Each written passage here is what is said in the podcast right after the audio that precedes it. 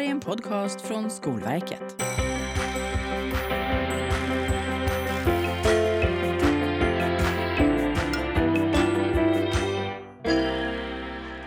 Hej och välkommen till den här podden som ska ta reda på hur det är att jobba med gymnasiets yrkesämnen i svenskundervisning och tvärtom, att jobba med svenskan i gymnasiets yrkeskurser.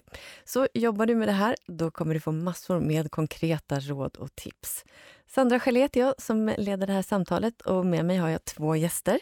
Jag börjar med att välkomna Ann-Charlotte Lotta Törnqvist. Välkommen! Tack. Lotta, berätta vad du arbetar med. Ja, jag heter då Lotta Törnqvist och jag arbetar som yrkeslärare och som förstelärare kring språkutvecklande undervisning på Studium och då främst i barnskötarutbildningen. Mm. Och Studium i Göteborg kan vi tillägga. Ja, precis. Studium i Göteborg. Och du har med dig din kollega Franziska Gustafsson. Varmt välkommen mm. till oss du också Franziska. Tack så mycket. Eh, jag jobbar som svenska som andraspråk och svenska lärare inom barnskötarutbildningen på Studium. Mm. Och där jobbar jag också med yrkesspråk eh, för blivande barnskötare. Och eh, just nu jobbar vi tillsammans med en utbildning för barnskötare med språkstöd och den vänder sig till elever med annan språklig bakgrund. Alltså de är inte födda med svenska som modersmål. Mm. Vi ska ju prata om ämnesintegrerad undervisning idag. Hur skulle ni beskriva sättet ni arbetar på? Om vi börjar med dig Lotta. Ja, jag skulle vilja säga att vi arbetar aktivt och i ett mycket nära samarbete mellan språk och yrkeslärare. Och det är för att vi vill ha en ömsesidig förståelse för kursernas mål och innehåll.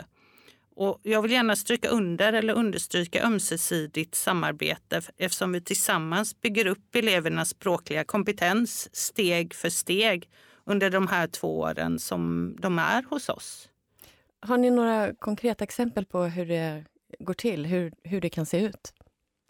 Alltså, för mig som språklärare så går det ju lika bra att arbeta med kurslitteraturen som de eleverna läser i sina eh, yrkesämnen mm. och välja texter som har koppling till yrkesämnena, alltså de, de saker som de behöver läsa för sina kurser eh, som tillhör programmet. Eh, vi packar då upp texterna tillsammans och eh, vi diskuterar, förklarar, omformulerar innehållet så att, att eh, det fördjupas och vi diskuterar språklig stil, formuleringar, be, svåra begrepp och tränar genremedvetenhet. Eleverna behöver mycket tid och tillfällen att diskutera ämnet och använda yrkesrelaterade begrepp eh, som tillhör skolspråket. Och det är då viktigt att de får mycket talutrymme, får många tillfällen att skriva. Och det hinns inte alltid med i yrkesämnet. Alltså när de läser yrkesämnet så har de mycket mindre tid. När man packar upp en text så gör man innehållet mer tillgängligt och förståeligt för alla elever. Alltså man, man diskuterar textens syfte. Man tittar på rubrikerna. så att vad, vad förstår vi utifrån de här rubrikerna att texten ska handla om?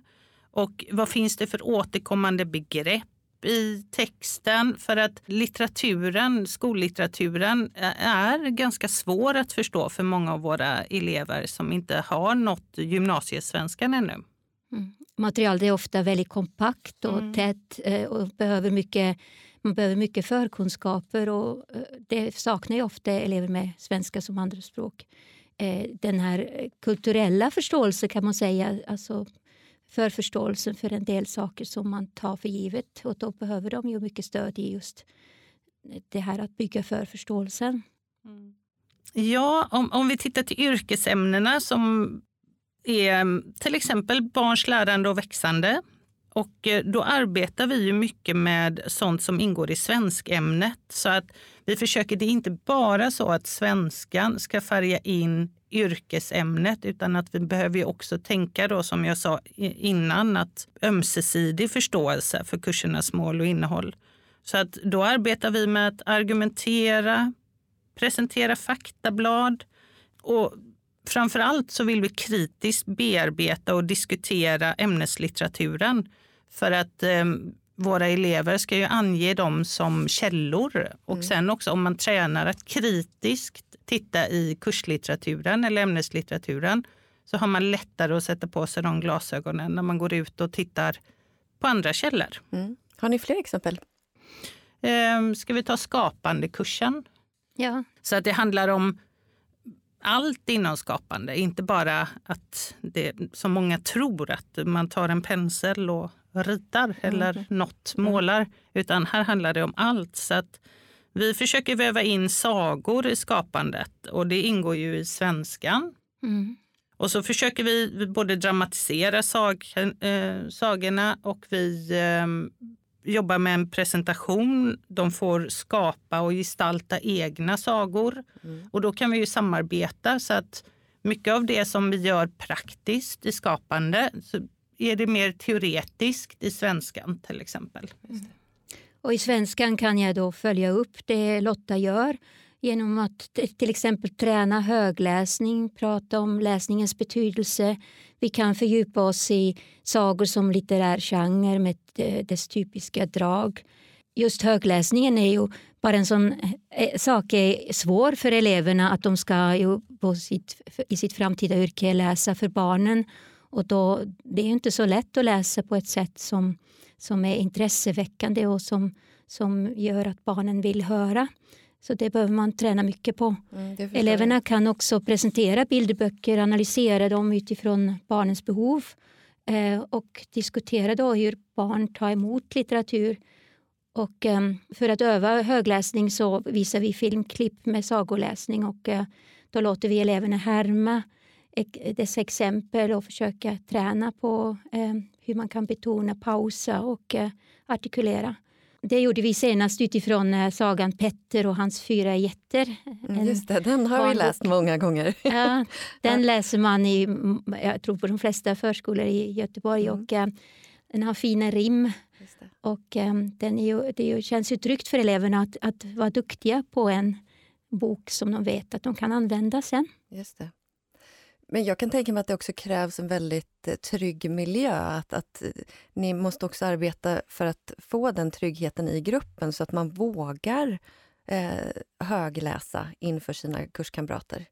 Precis, och det, det, det, kan man ju säga, det, det, är ju lätt nu för nu, det är ju en förmån just i, den, i det programmet att jag har haft de här eleverna i, det tredje terminen så jag har fått följa dem från där de inte har klarat SFI-nivå ännu, som de gått igenom hela grund. Och, och eh, kan ju, de, är ju, de känner varandra väl och de känner sig trygga. Och det, de känner sig också trygga för att vi samarbetar just i team, tror jag. Mm. Så. Och sen, sen så arbetar vi väldigt mycket med våra grupper. Det är viktigt att man vågar, för man ska våga ute när man kommer ut i förskolan. Så att det är viktigt att man vågar uttrycka sig, man vågar ta plats, att man både inspirerar andra och eh, ja, är kreativ i sitt sätt att uttrycka sig. Ja. Ett helt annat exempel kan ju vara när eleverna läser naturguidning eller naturkunskap 1. Det är ju då mer, eh, naturkunskap är ju deras nästan svåraste teoretiska ämne. Och där kan vi också i svenskan följa upp genom att skriva faktablad om djur och forska fram lite fakta. Vi lånar faktaböcker från biblioteket så de får hjälp att lära sig litteratursökning. Och de blir varse begrepp som art, para sig, avkomma, däggdjur, dia och dräktighetstid. Med, eh, som begrepp som de annars inte möter i sin vanliga kurslitteratur i svenskan. Och då eh, Eh, vidgar de ordförrådet och eh, eh, får sådana ord som de behöver i kurserna. Sen tycker jag också, Francisca, att det är ju viktigt att vi i yrkeskurserna förklarar för eleverna hur viktigt språket är för att eleverna ska ha en förmåga att kunna skriva observationer, de ska kunna dokumentera, de ska skriftligt kunna planera aktiviteter och skriva veckobrev till föräldrar. Alltså man måste ha ett språk som är fungerande och då inte bara muntligt utan även skriftligt när man kommer ut och ska arbeta som barnskötare i verksamheten. Fantastiskt bra konkreta tips om hur, ni kan, hur man kan arbeta med ämnesintegrerad undervisning. Stort tack för, för det. Hur skulle ni säga att, att arbeta på det här viset gynnar eleven? Um, det är ju, forskning visar ju att elever som får tid och möjlighet att processa det de ska lära sig upprepade gånger på olika sätt har lättare att ta till sig och utveckla kunskaper och förmågor. Och det är också en fördel att vara olika lärare som förklarar på olika sätt och arbetar på olika sätt. Och det gäller både muntligt och skriftligt och eh, produktivt. Och, så. Det, mm och sen så tycker jag, eller vi, vi tycker att det är viktigt att, eh, och bra att eleverna får jobba med ett tema under längre tid och under fler lektioner än vad de annars skulle ha fått om vi inte hade haft det här samarbetet. Mm. Upprepning är kunskapens moder, eller vad är det man brukar säga? Eller hur? Ja, verkligen.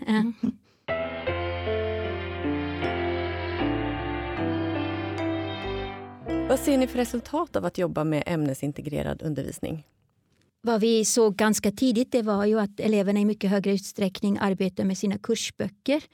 Eh, tidigare förlitade de sig ganska mycket bara på det som hände på lektionen och eh, de läste helt enkelt för lite mm. hemma. Eh, och eleverna blir mer aktiva när de ser att kurserna de läser har ett sam nära samband och att de kan visa kunskap de lärt sig att det återkommer och att de kan visa det i olika kurser i svenskan och i yrkeskurser och kanske en kommande yrkeskurs. Att det, det är helt enkelt kunskap som efterfrågas för yrket de ska utöva sen. Vad säger du Lotta? Eh, jag ser också att de använder oss eh, mer som eh, resurs, alla lärare. Att de vågar ställa frågor om yrkesämnena till en svarlärare. För att Franziska bedömer inte eller ger inget omdöme i yrkesämnena. Och tvärtom, så att de, de använder oss som en resurs för att få hjälp både vad det gäller uppgifter och att förtydliga texter och, och ställa frågor. Och, eh, de ser ju också oss som ett team och det tycker vi är viktigt eftersom det blir förebilder när de sen ska ut och eh, arbeta i, eh, som team ute i förskolan. Så att eh, vi vill ju gärna att det ska bli så bra förebild som möjligt så att de kan ta med sig det i sin yrkesroll. Mm. Det låter som att ert lärarteam också, eh, att, att ni får jobba tillsammans och bli det här eh, trygga teamet. Det är jätteviktigt. Mm. Vi, vi, har ett bra team faktiskt. Mm.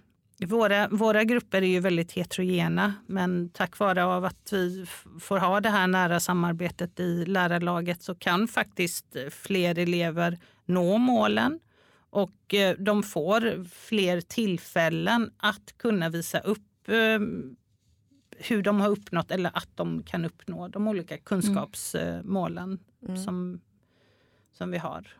Så det är bra. Väldigt många konkreta tips som vi förstår har varit liksom framgångar hos er. Men om vi vänder på det lite grann. Eh, vilka utmaningar ser ni med det här sättet att arbeta? Många av våra elever har väldigt kort skolbakgrund medan andra har en lång skolbakgrund. Mm. Och det gör att de, ligger, de startar på ska man säga, olika med, med olika förutsättningar ja. kan man säga. Eh, och samtidigt så har ingen av dem direkt, de har inte nått gymnasienivån i eh, svenskan. Men ändå så ska alla yrkesgrupperna är på, ligger på gymnasienivå. Och alla våra elever ska nå kunskapsmålen snabbt. Just eh, så att det, det är ju någonting som, som mm. är svårt. Man kan säga att de, de får ju prestera på en språklig nivå som de egentligen inte har ännu. Framförallt i början var det ju väldigt svårt för dem. Och, ehm, eh, man kan också säga som exempel nu senast eh, när de hade naturkunskapsprov. Eh, då visade sig ju att halva klassen, hade, när man har gått i skolan sex år, då har man inte läst naturkunskap ett, på sitt modersmål. Men andra som har gått nio år eller längre, de, de som finns i samma klass, de har gjort det. Och det blir naturligtvis en, en helt annan sak att lära sig någonting helt från början eller lära sig språket för det.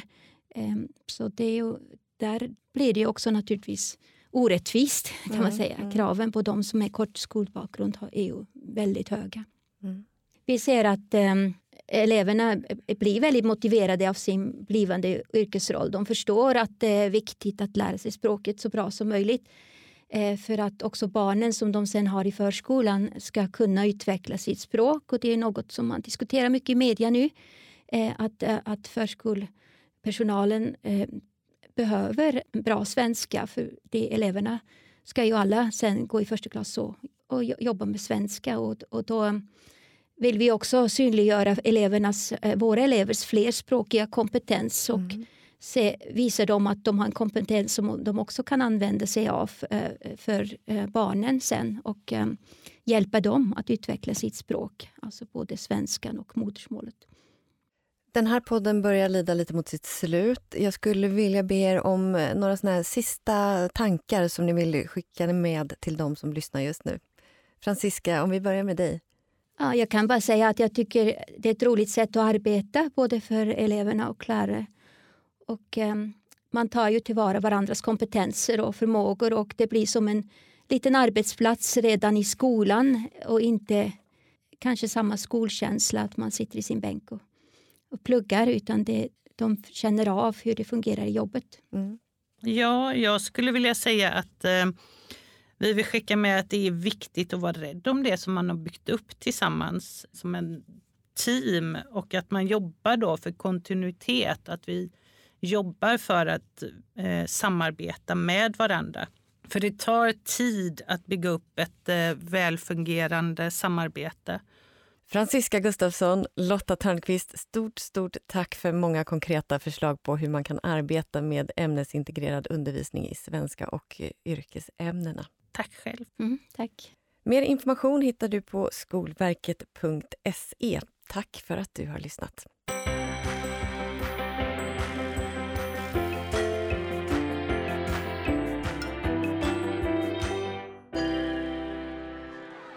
Här var en podcast från Skolverket.